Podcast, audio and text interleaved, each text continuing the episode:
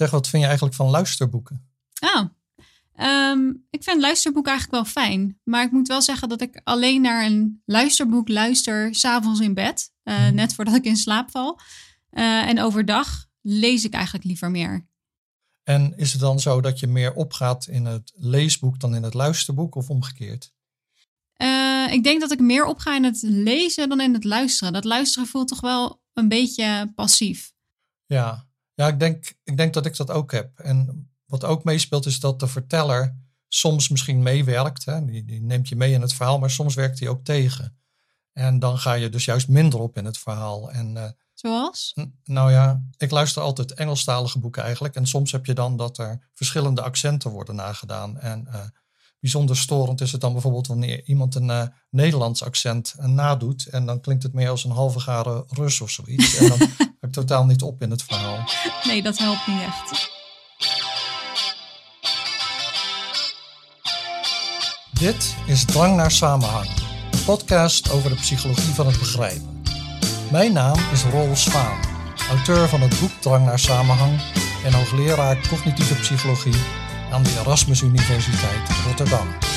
En ik ben Anita Eerland, psycholoog en universitair docent taal en communicatie aan de Radboud Universiteit in Nijmegen. In deze podcast gaan wij in gesprek over thema's uit het boek.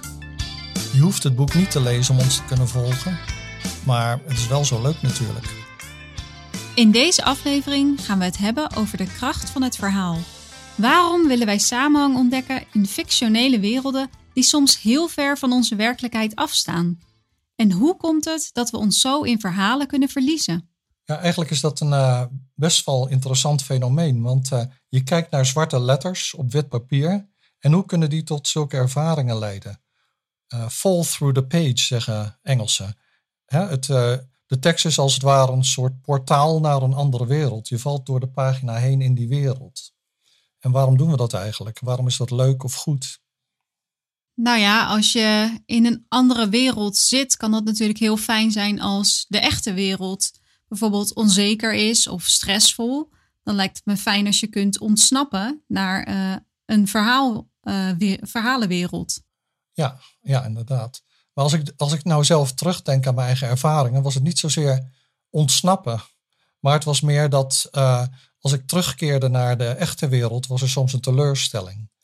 Ik weet nog dat ik dertien was en voor het eerst in de ban van de ring las. En eh, nou ja, dan zat ik te lezen op mijn kamer en dan riep mijn moeder eten.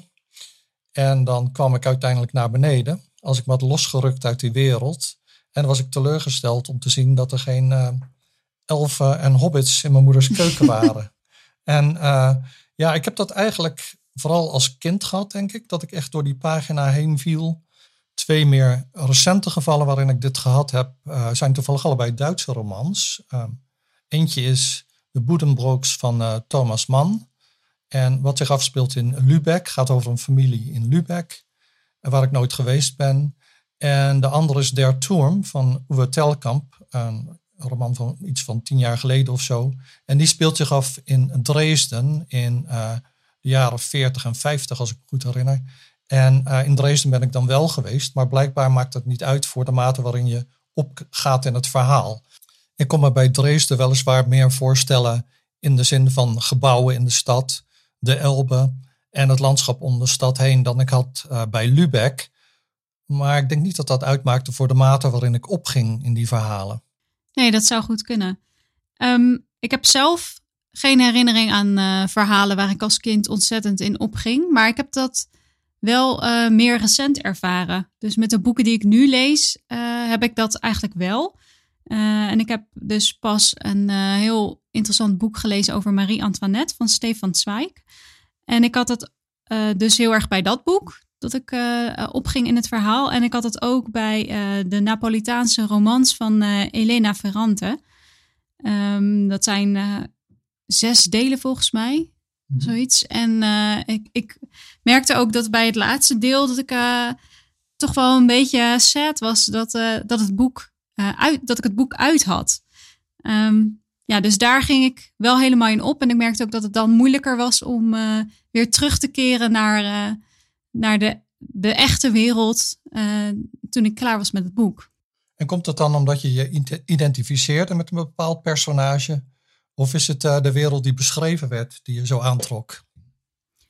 Nou, het was niet zo dat de personages uit die boeken veel op mij leken. Dus eh, in die zin identificeerde ik me niet met die personages. Maar wetenschappers bedoelen iets anders als zij het hebben over identificatie of eh, identification. Namelijk dat je het verhaal vanuit de ogen van een bepaald karakter beleeft. Uh, en dat had ik eigenlijk wel. Dus de uh, personages en de gebeurtenissen werden zodanig goed beschreven dat ik daar wel in opging en ook het verhaal dus beleefde vanuit die personages. Um, en uh, dus die identificatie hangt heel nauw samen met een ander fenomeen waar we het vandaag over gaan hebben. En dat is ook een fenomeen waar vrij veel onderzoek naar gedaan wordt. Um, dat heet narrative transportation. Ja. En dat is het, het opgaan in een verhaal. Um, en als we dat doen, opgaan in een verhaal, dan heeft dat bepaalde gevolgen. Uh, bijvoorbeeld dat we uh, de wereld om ons heen tijdelijk vergeten. Dat, dat de kennis van de echte wereld tijdelijk minder toegankelijk is. Dus dat zorgt er bijvoorbeeld voor dat als je aan het lezen bent en je helemaal opgaat in een verhaal, uh, dat je misschien niet eens doorhebt dat je moeder roept omdat het eten klaar is. Omdat je zo in die wereld zit mm -hmm. dat je die connectie met de echte wereld een beetje verliest eigenlijk. Ja. En um, nou ja, andere uh, um, verschijnselen die horen bij narrative transportation zijn dat je uh, mee gaat voelen met de karakters. Wat ik dus heel sterk had bij Marie Antoinette. En ook uh, bij die Napolitaanse romans. Um, en uh, een laatste aspect dat hoort bij narrative transportation is dat je anders kunt gaan denken over bepaalde zaken door een verhaal. Dus mm-hmm. onderzoekers zeggen dat je um, door mensen op te laten gaan in een verhaal ervoor kunt zorgen dat zij uh, bepaalde uh, ja, changed beliefs hebben. Dus ja, andere... Overtuig, overtuigingen die, die veranderd zijn. Precies. En, en is het dan zo dat maar dat is eigenlijk vreemd, want je hebt dus de, tekst als zeg maar een portaal naar een andere wereld. Daar uh, gebeurt dan iets wat jouw overtuigingen doet veranderen. Maar de overtuigingen in je eigen wereld, niet in de verhaalwereld. Dus je neemt als het ware die veranderde overtuigingen mee op, uit de verhaalwereld naar je eigen omgeving. Klopt. En dat zie je heel mooi terug in een. Uh in een quote die vaak wordt aangehaald door onderzoekers naar narrative transportation, volgens mij van Garrick, maar dat zou ik Richard Garrick? volgens mij wel. En hij zegt dat, dat door narrative transportation dat je als lezer eigenlijk een soort uh, een reiziger bent, mm-hmm. uh, die terugkeert, die uh, afreist naar een andere wereld, de verhalenwereld. en terugkeert naar de echte wereld met enigszins andere perspectieven. Ja. Dus dat is dat, dat changed beliefs. Dus dingen die je dan, dan je leest uh, in een verhaal, kun je meenemen naar de echte wereld. En, en die kunnen je helpen om op een andere manier over bepaalde dingen na te laten denken. Nu hebben we het de hele tijd over uh, lezen gehad. Maar ik vraag me af, uh, wordt die schaal ook gebruikt voor films bijvoorbeeld? Want daar kan je natuurlijk ook narrative transportation hebben. Ja, transportation kan ook plaatsvinden als mensen films kijken. Um, en als je dat wil meten, dan wordt daar meestal een andere vragenlijst voor gebruikt. Dus in plaats van de transportation skill wordt daar de narrative engagement skill voor gebruikt van uh, Bucel en Bilancic. En daarin zitten net iets andere vragen. Sommige uh, lijken op vragen uit de transportation skill. Maar um, deze vragenlijst uh, belicht vier verschillende aspecten van engagement dan dus. Dus ja, betrokkenheid. Mm-hmm. Um, de emotionele betrokkenheid. Dus uh, dat je begrijpt waarom een bepaald personage iets deed. Um, aandacht. Dus bijvoorbeeld, ik vond het moeilijk om mijn aandacht bij het verhaal te houden. Um, uh, begrip voor het verhaal. Dus of je uh, het moeilijk vond om de rode draad van het verhaal te volgen. Om een situatiemodel te vormen. Ja, precies. Ja. en de aanwezigheid in het verhaal, dat noemde zij narrative presence. En een voorbeeld van zo'n vraag is: uh, soms had ik het gevoel dat het verhaal dichter bij mij stond dan de echte wereld. Dus dat zijn de items die zij gebruiken. En wat je dan merkt is dat er geen vragen zijn over mental imagery, wat uh-huh. juist bij die transportation skill zo belangrijk was. En op zich is dat natuurlijk ook wel logisch, want als je wil weten of mensen betrokken zijn bij een film, dan heb, ga je eigenlijk geen vragen stellen over mental imagery. Want die beelden hoef je als uh, kijker niet zelf te maken. Die worden jou al aangeboden. Ja, precies. En dat is dan zo. Maar je kunt daar ook wel aan zien dat als mensen lezen, zich, ze zich ook wel dat soort voorstellingen maken. Omdat je dan commentaren krijgt als, ja, dit personage ziet er precies zo uit als, uh, als in het boek. Of uh, uh, Zwijnstein lijkt precies op, in de film lijkt precies op hoe het in het boek beschreven is. Ja. En ook discrepanties natuurlijk tussen een personage in het boek en hoe die er dan uitziet in de film.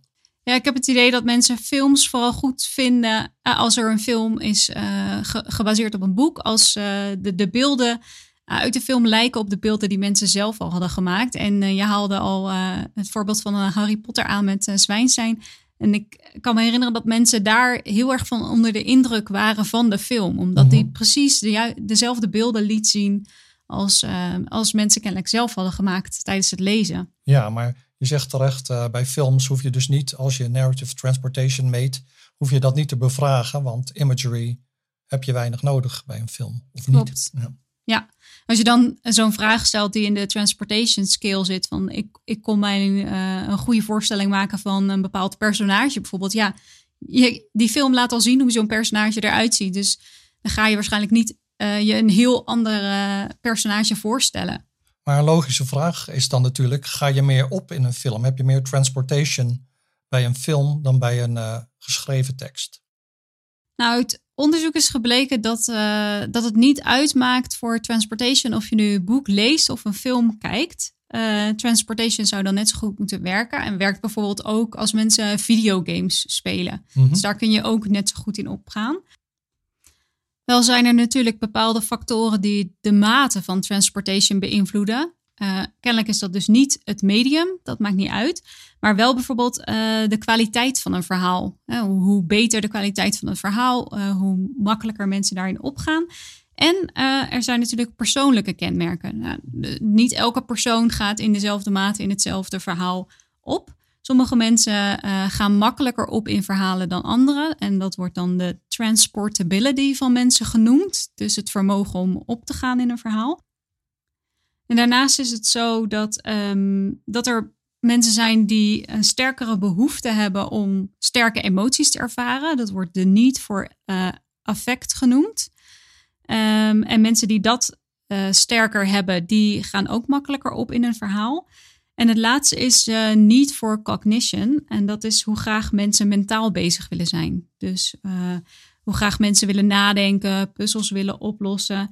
Uh, en wat onderzoek heeft laten zien, is dat mensen die daar hoog op scoren, die dus veel behoefte hebben om mentaal bezig te zijn, dat die meer geneigd zijn om op te gaan in boeken dan bijvoorbeeld in films. En op zich is dat ook wel logisch, want als je dan een boek leest, moet je, wat je net ook zei, moet je zelf meer beelden maken. Dus moet je zelf cognitief meer bezig zijn dan wanneer je een film kijkt. Dus over het algemeen maakt het niet uit uh, hoe een verhaal wordt gepresenteerd, maar er zijn wel uh, bepaalde individuele verschillen. Ja, en je noemt dan transportability, niet voor affect en niet voor cognition.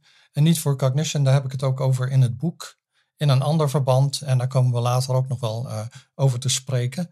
Maar het is wel interessant om te zien uh, dat, dat, dat het dus blijkbaar zo is. Ik wist dat niet.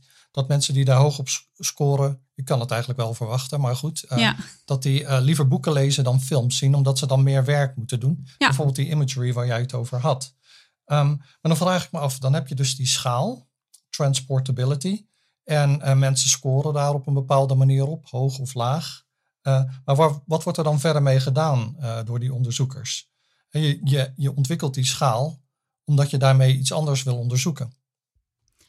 Nou ja, je kunt dan natuurlijk kijken of er verbanden zijn tussen narrative transportation of narrative engagement en allerlei andere aspecten. Uh, zo is er onderzoek geweest dat laat zien dat mensen die meer opgaan in een verhaal, um, minder gevoelig zijn voor het opmerken van fouten. En dan bedoel ik met fouten uh, dingen die uh, wel kloppen in de verhalenwereld, maar niet kloppen in de echte wereld. Dus als, je mhm. mensen, als mensen opgaan in een verhaal, dan kunnen ze minder goed uh, die zogenaamde valse claims of die fouten opmerken um, of identificeren. Um, nou ja, en dus het feit dat mensen die valse claims of die fouten minder goed opmerken als ze opgaan in een verhaal, ehm, wordt ook gebruikt om mensen anders over bepaalde dingen te laten denken. Dus als je heel erg opgaat in een verhaal, dan is de informatie over de echte wereld minder toegankelijk. Ehm, en dan ben je meer vatbaar voor uh, overtuigingsstrategieën bijvoorbeeld. Dus als jij iemand ergens op een andere manier over wil laten nadenken, dan is het slim om iemand heel erg op te laten gaan in een verhaal. Uh, en dan in dat verhaal uh, de andere overtuigingen te stoppen. Uh, of bepaalde dingen waarvan je wil dat mensen die gaan geloven. Omdat je dan, als je opgaat in dat verhaal, minder cognitieve reserves hebt om nou ja, dat soort dingen, dus die overtuigingen, bijvoorbeeld, om die te bevragen. Ja, ja. Oh, dat, dat is wel grappig, want ik, ik volg natuurlijk altijd Amerikaanse verkiezingen. En wat je daar altijd ziet is dat dan die, of het de voorverkiezingen zijn het binnen de Democratische of Republikeinse Partij, of de algemene verkiezingen, dat de kandidaten dan altijd een anekdote hebben. Zoiets van uh, de, het boeren-echtpaar John en Mary uit Iowa en hoe moeilijk ze het hadden uh, vanwege de, weet ik veel, de uh, suikerbietenprobleem. Of ik heb geen idee wat dan. Wat dan maar, maar zoiets. Hè? Dus er is dan een bepaald probleem voor die mensen. En dat is dan eigenlijk, staat dat voor problemen die veel mensen hebben. En, en daar moet iets aan gedaan worden. Bepaalde maatregelen moeten afgeschaft worden of juist genomen worden. Want dan gaat het die mensen beter. En de kandidaat toont daar ook mee aan dat hij betrokken is bij de gewone man, zo gezegd. En maar, maar de focus is dus heel erg op anekdotes. In plaats van dat je zegt van dit is een slechte maatregel. Want kijk, als we hem niet zouden doen, dan zou dit en dat met zoveel procent af of toenemen. Geef je aan wat de impact is op het leven van deze twee sympathieke mensen. Ja, eigenlijk wat ze dan gebruiken is storytelling. Dus ja. je neemt inderdaad een uh, heel concreet geval waarover je gaat vertellen. Nou, als we dat voorbeeld nemen, dan uh, lijkt het me duidelijk dat mensen daar bepaalde emoties bij hebben. Ja, als als zo'n boeren-echtpaar problemen heeft en dan, voel je daarmee mee. En natuurlijk wil je dan dat er een oplossing uh, gezocht wordt. En dan zou je volgens onderzoek dus eerder openstaan voor uh, uh, de oplossingen die aangedragen worden. Mm -hmm. En dat is ook iets wat je steeds meer en meer ziet. Misschien niet, dus niet alleen in de politiek, maar ook bijvoorbeeld in de reclame. Dus ik heb dat is me een tijd geleden opgevallen dat er heel veel reclames zijn die ook zo'n verhaal vertellen. Uh, een verhaal waarbij je emoties gaat voelen. Hè. Er wordt je um, reclames waarbij, ja, waarbij de makers probe proberen om emoties op te roepen bij de, de kijker of de luisteraar. om dan vervolgens de, de reclameboodschap zeg maar, verpakt um, ja, de wereld in te sturen. Ik heb daar een heel mooi voorbeeld van gevonden. Uh, dat is een reclame voor Google India, als ik me goed herinner. Het is een vrij lange reclame, want je hebt natuurlijk wel tijd nodig om een verhaal te vertellen en ook om mensen uh, daarin op te laten gaan. En je ziet een, uh, een oudere man die met zijn kleindochter ergens zit in een soort uh, koffiehuis of zo. En hij vertelt, hij heeft een fotoboek voor zich liggen en hij vertelt over zijn jeugdvriend. Um, Yusuf, geloof ik. Uh, met wie die uh, kattenkwaad uithaalde. En, en die die nu al heel lang niet heeft gezien en die die heel erg mist. En hij vertelde over waar die die vriend dan ontmoette nou, en wat zij deden. En die kleindochter die, uh, die besluit dan aspecten van dat verhaal op te gaan zoeken met Google. Dus die gaat opzoeken um, welke, welke poort in welk park over welke poort in welk park uh, haar opa het dan had en of die wel echt bestond. En, en de winkel waar ze zogenaamd snoepjes of iets zouden hebben gejat, geloof ik. Uh, en uiteindelijk, via via, dus via al die zoekopdrachten, komt ze bij, um, ja, bij die oude vriend uit. En dan besluit ze hem te bellen. Nou, en uiteindelijk komt die vriend ook over uh, uit India, geloof ik, uh, naar die man in, uh, in Pakistan. En dan op zijn verjaardag staat die oude vriend voor de deur. Nou, het is best een emotioneel verhaal en je kunt je daar heel veel bij voorstellen. je gaat erin op. Je hoopt ook natuurlijk dat, dat die, je die jeugdvriend nog leeft. En oh, mooi dat ze elkaar dan weer ontmoeten. maar eigenlijk is dat natuurlijk een heel knap staaltje reclamewerk van Google. Ja. En nu zeg je India, en het is natuurlijk een andere cultuur dan, dan onze westerse cultuur hier, maar uh, dit verhaal appelleert zo aan de emoties dat het natuurlijk ook zou moeten werken voor uh, mensen buiten India. Ja, dat denk ik wel. Ja. Ze hadden het wel over nou ja, een bepaald park en, uh, en, en dus een bepaald soort snoepje of iets anders wat ze dan uh, aten of, of hadden gestolen. Dat weet ik niet meer precies. En ik weet dan natuurlijk niet wat voor specifiek snoepje dat is of hoe dat park eruit ziet. En dan nou, komen we eigenlijk weer terug bij waar we het eerder over hadden. Dus ik kan er wel een situatiemodel van maken. En ik, uh, ik heb ook wel die emoties uh, daarbij. Um, maar mijn situatiemodel is dan minder rijk dan iemand die al die kennis wel heeft en dus dat veel beter in kan vullen. Ja. Maar ik denk dat het effect uiteindelijk hetzelfde is. En ja, je ziet het trouwens ook heel erg uh, in reclames rond de kerstperiode. Ja. Dat zijn ook heel vaak van die storytelling verhalen waarin je goed gevoel moet krijgen. Nou had het over, je had het over uh, uh, dat, dat die fictionele wereld soms heel dichtbij is en soms veraf, maar dat dat niet uitmaakt voor de mate waarin je op kan gaan in die wereld. Ja, dat klopt. Zolang die werelden op zich maar wel samenhangen. Dus uh, dat wat daar binnen gebeurt, hoeft niet, wat er binnen een verhalenwereld gebeurt, hoeft niet hetzelfde te zijn als binnen de echte wereld. Het kan heel erg afwijken, zolang dat maar allemaal wel klopt met elkaar. Ja, het is weer tijd voor uh, ons onbegrip van de week. Dus kom maar op met iets wat je afgelopen week niet hebt begrepen. Ja, nou het heeft te maken met waar we het uh, daarnet over hadden aan het begin van de uitzending. Uh, naar verhalen luisteren en dan in slaap vallen. Dus ik droomde dat er een vent was die maar niet stopte met praten. En ik probeerde hem herhaaldelijk tot stoppen te dwingen, maar hij bleef maar onverstoorbaar doorpraten. En op het laatst stond me het schuim op de lippen in die droom. en uh, van boosheid of zo werd ik wakker. En toen dacht ik, oh ja, verdorie, mijn verhaal loopt nog. Dus uh, op de een of andere manier had ik in mijn droom die pratende stem geïntegreerd met, uh, met wat ik verder aan het dromen was. En ja, dat vind ik op zich wel interessant. Ik heb er niet een verklaring voor. Ik bedoel, als ik zou moeten gokken, zou ik zeggen, nou, blijkbaar probeert jouw brein ook in jouw slaap uh, samenhang te vormen tussen alle indrukken die, uh, die binnenkomen. Dus mm -hmm. uh, je bent iets aan het dromen, nou ja, dat komt dan vanuit jezelf. En je hebt die externe input, dat verhaal. Maar daar weet ik het fijne zeker niet van. En het is dan ook niet de rubriek weetje van de week, maar onbegrip van de week. Maar ja, ik denk wel. Precies. Ik denk wel dat het leuk is om misschien eens uit te zoeken en dan als onderwerp te nemen voor een uh, toekomstige aflevering. Um, maar uh, ben jij deze week nog tegen iets onbegrijpelijks aangelopen? Jazeker. Ja. er was uh, één zin in een boek. dat is een, een lesboek dat ik aan het doornemen ben voor een cursus die ik binnenkort moet gaan geven. En er zat één zin in en ik denk dat ik die vier keer opnieuw heb gelezen. Omdat ik elke keer op het moment dat die zin was afgelopen dacht... Huh? Wat heb ik nou eigenlijk gelezen?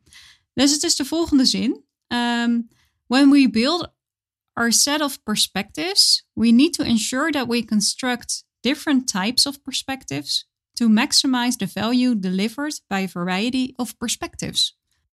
Oh, dat is wel heel veel perspectives in één zin. Ja, dus en ik denk uh, dus dat dat precies het ja. probleem is. Dat je dan um, drie keer hetzelfde woord hebt gelezen, waardoor je er niet echt chocola van kan maken. En dan aan, aan het eind denkt, uh, huh? Waar, waar, waar, ging dit nou eigenlijk over?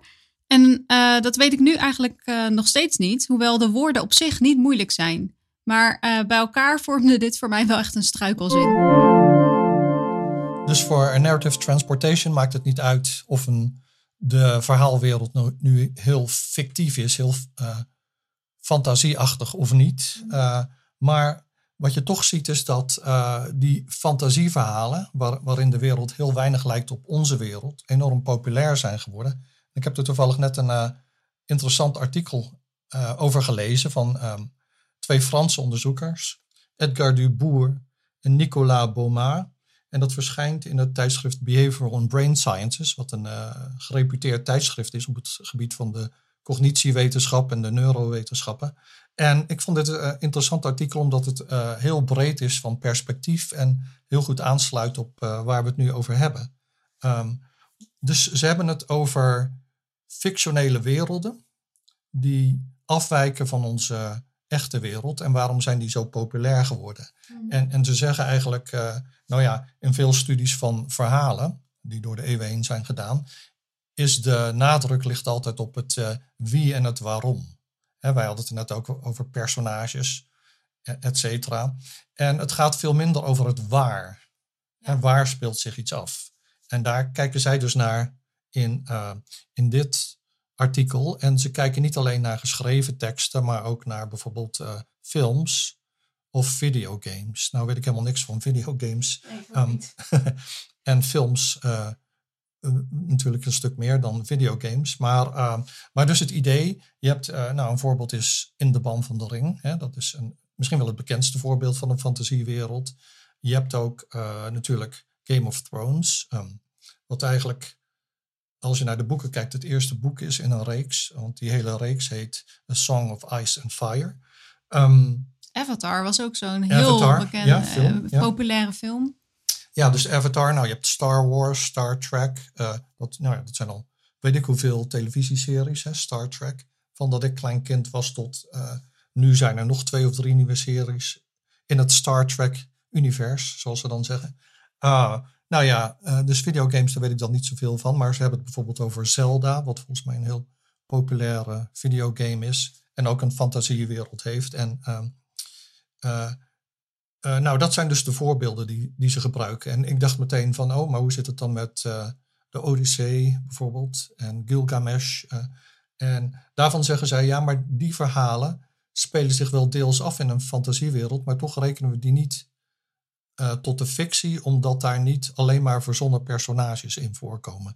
Is dan hun redenering. Want er komen, nou natuurlijk zijn ze wel verzonnen, maar laten we zeggen, um, Zeus en Afrodite, et cetera, zijn dan niet verzonnen volgens deze redenering. Dus zij zeggen eigenlijk, toen de wereld wel, welvarend begon te worden, en uh, dan kijken ze naar Engeland in de 17e eeuw, toen kregen de eerste fantasieverhalen. En fantasie uh, verhalen waarin de hoofdpersoon een nobody was. En daar bedoelen ze mee iemand die verzonnen is. Die niet nou eigenlijk ja, een, een soort afspiegeling is van een godheid of wat dan ook. Dus daar beginnen voor hun dan die fantasieverhalen. En dan, en dan komen ze met al die voorbeelden die we net gaven van. en ook bijvoorbeeld Harry Potter. Um, is een voorbeeld natuurlijk van zo'n fantasiewereld. En ik vind het dan wel een beetje raar dat Harry Potter is dan wel fantasiewereld, maar de Odyssee niet. Nee, omdat de, de Odyssee geacht wordt um, ja, een reflectie te zijn van, van, van de wereld. De goden deden bepaalde dingen omdat ze boos waren en daarom ondervond Odysseus tegenslag enzovoort.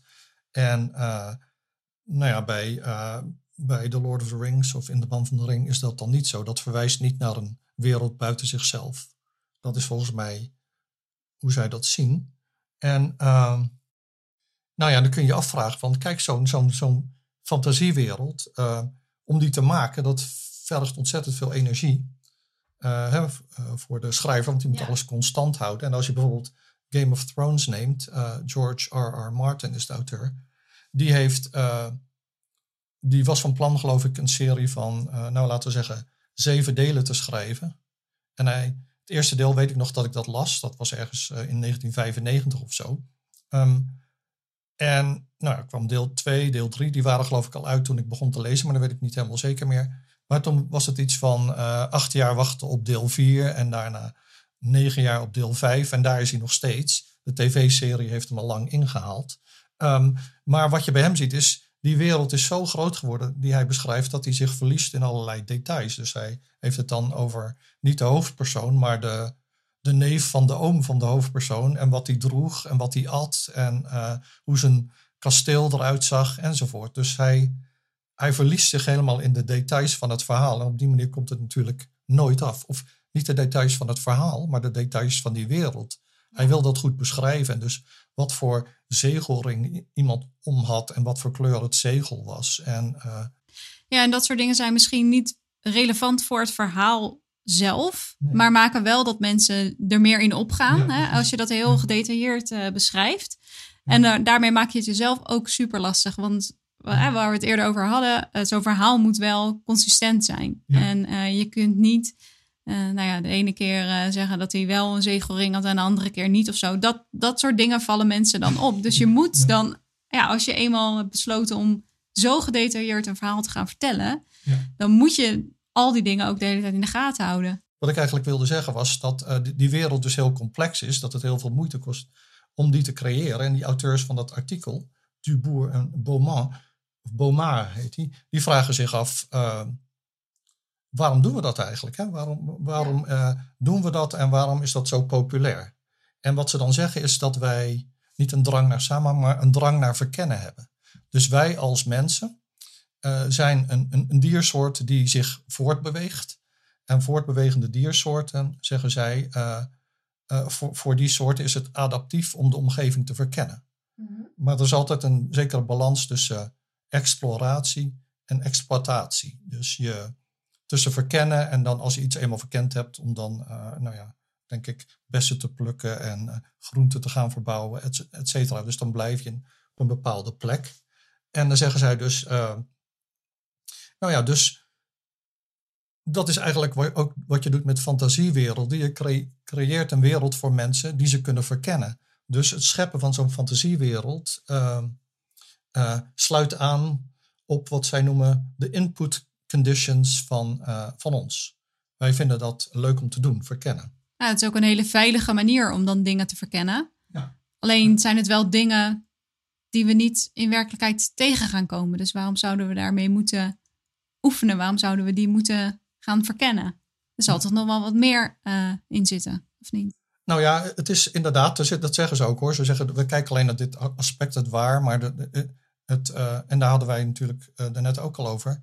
Het, het waarom en het hoe, dat blijft natuurlijk wel hetzelfde. Dus je had het over die uh, advertentie van Google, mm-hmm. um, die zich dan in India afspeelt. Dat er toch op een bepaald vlak resoneren wij daarmee. En dat heeft dan te maken met de doelen, en uh, het bereiken van doelen of het niet bereiken van doelen en de positieve en negatieve emoties die daarmee samenhangen. Dus dat ontkennen zij allemaal niet, maar ze zeggen daarnaast is dus het verkennen van zo'n zo'n wereld gewoon uh, iets wat mensen aantrekkelijk vinden, om, omdat het appelleert aan onze drang naar uh, verkennen. En ze zeggen dan wel van ja, het is daarmee ook gere gerelateerd aan plasticiteit. En daaronder verstaan ze dan dat je nieuwe doelen stelt. Hè? Zo van, oh, ik kwam hier en er was een rivier, die kon ik niet over. Dus nu moest ik op zoek naar een doorwaadbare plaats. Of ik moest een boom omhakken, zodat ik die als brug kon gebruiken. Dat soort dingen. dus, dus op die manier appelleert die wereld ook wel aan doelen die wij ook in, natuurlijk in het, in het algemene, of in, in ons eigen leven kunnen hebben. Dus je kunt er nog steeds wel iets van leren in zekere zin. En het gaat natuurlijk ook steeds nog over um, sociale relaties en, en wat al niet, maar dan dus in zo'n fantasiewereld. Omdat die fantasiewerelden ons zo in hun ban houden, um, ontstaan er allerlei wat ze noemen paratexts. Dus dat zijn eigenlijk andere verhalen die zich in hetzelfde universum afspelen. En dat kan zijn verhalen die geschreven worden door uh, fans. Of uh, laten we zeggen een tekenfilm die gebaseerd is op een boek. Een speelfilm die gebaseerd is op het boek. Uh, uh, kaartspellen die ontwikkeld worden voor het boek. Conventies die georganiseerd worden. En dat soort dingen zie je dus vooral bij fantasy. Een ander voorbeeld dat ik zou kunnen bedenken is de Dickens Festival in Deventer. Maar veel verder kom ik eigenlijk niet. Maar bij die fantasiewerelden zie je dat die zich als een olievlek uitbreiden over de andere media. Um, maar wat ik me nou afvraag is, uh, wat voor bewijs hebben die onderzoekers eigenlijk voor hun theorie? Ja, ik denk dat wij als experimenteel psycholoog het bewijs nogal indirect uh, zouden vinden. Maar één voorbeeld is bijvoorbeeld dat ze op uh, Facebook um, een onderzoek van anderen hebben gebruikt. Dat onderzoek ging over persoonlijkheidsvariabelen en de voorkeur voor films. En deze onderzoekers waren specifiek geïnteresseerd in een van de Big Five persoonlijkheidskenmerken. En dat is openness to experience, want daarvan zeggen ze ja, dat is gerelateerd aan de wil om te verkennen. Mhm. Dus hun voorspelling was dat openness to experience positief zou correleren met de mate waarin mensen uh, fantasiefilms waardeerden. En dat vonden ze ook inderdaad. Dus dat is wel, laten we zeggen, initieel bewijs, maar wij zouden het nog niet heel erg sterk vinden, denk ik, komend vanuit een uh, experimentele hoek. Nou ja, het is een mooi beginpunt als je samenhang kunt aantonen. Kun je daarna inderdaad experimenteel kijken of je causatie kunt uh, Ja, precies. Vinden. Ik denk je moet ergens beginnen en ik vind dit wel een, een goed begin. Het is een hele interessante vraag. En ja, hun basisidee is dus dat cultuur zich niet zomaar uh, willekeurig ontwikkelt, maar dat die gedreven wordt door bepaalde cognitieve mechanismen. En die mechanismen zijn dan een, een, een balans zoeken tussen verkennen en exploiteren. Dus uh, je rondbewegen in een, nieuwe omgeving en je dan ergens settelen en dan die omgeving exploiteren. En ze zeggen dat dat dus die ontwikkeling van die uh, steeds maar grotere fictionele werelden is. En ja, dat is eigenlijk de conclusie. Hè? Uh, het, het, is een, uh, niet een willekeurige ontwikkeling, maar wordt gedreven door cognitieve mechanismen. Ja, dus we hebben het vandaag gehad over de kracht van het verhaal. En daarbij had jij het over narrative transportation. Ja, en over nou ja, eigenlijk wat dat is en ook hoe dat gebruikt kan worden. Dus uh, in, in reclame. En dat het kan ingezet worden om mensen minder kritisch te laten nadenken. En, en andere ideeën in een verhaal te stoppen die de mensen ineens meer uh, plausibel gaan vinden. Ja, we hadden het over uh, de kracht van fantasiewerelden. Dat die dus enorm populair zijn geworden, wa waardoor dat zou kunnen. En hoe we ons nog steeds als lu lezers, luisteraars en kijkers uh, kunnen laten transporteren naar, naar zo'n wereld. En uh, nou ja, dat toont wel aan wat de kracht van het verhaal is. Vond je dit een leuke podcast en wil je geen aflevering missen? Abonneer je dan. Behoefte aan meer drang naar samenhang? Ga dan naar de boekwinkel of bestel het boek online via www.boompsychologie.nl slash drang naar samenhang. De hoofdstukken die aansluiten bij deze aflevering vind je in de show notes. Tot de volgende drang.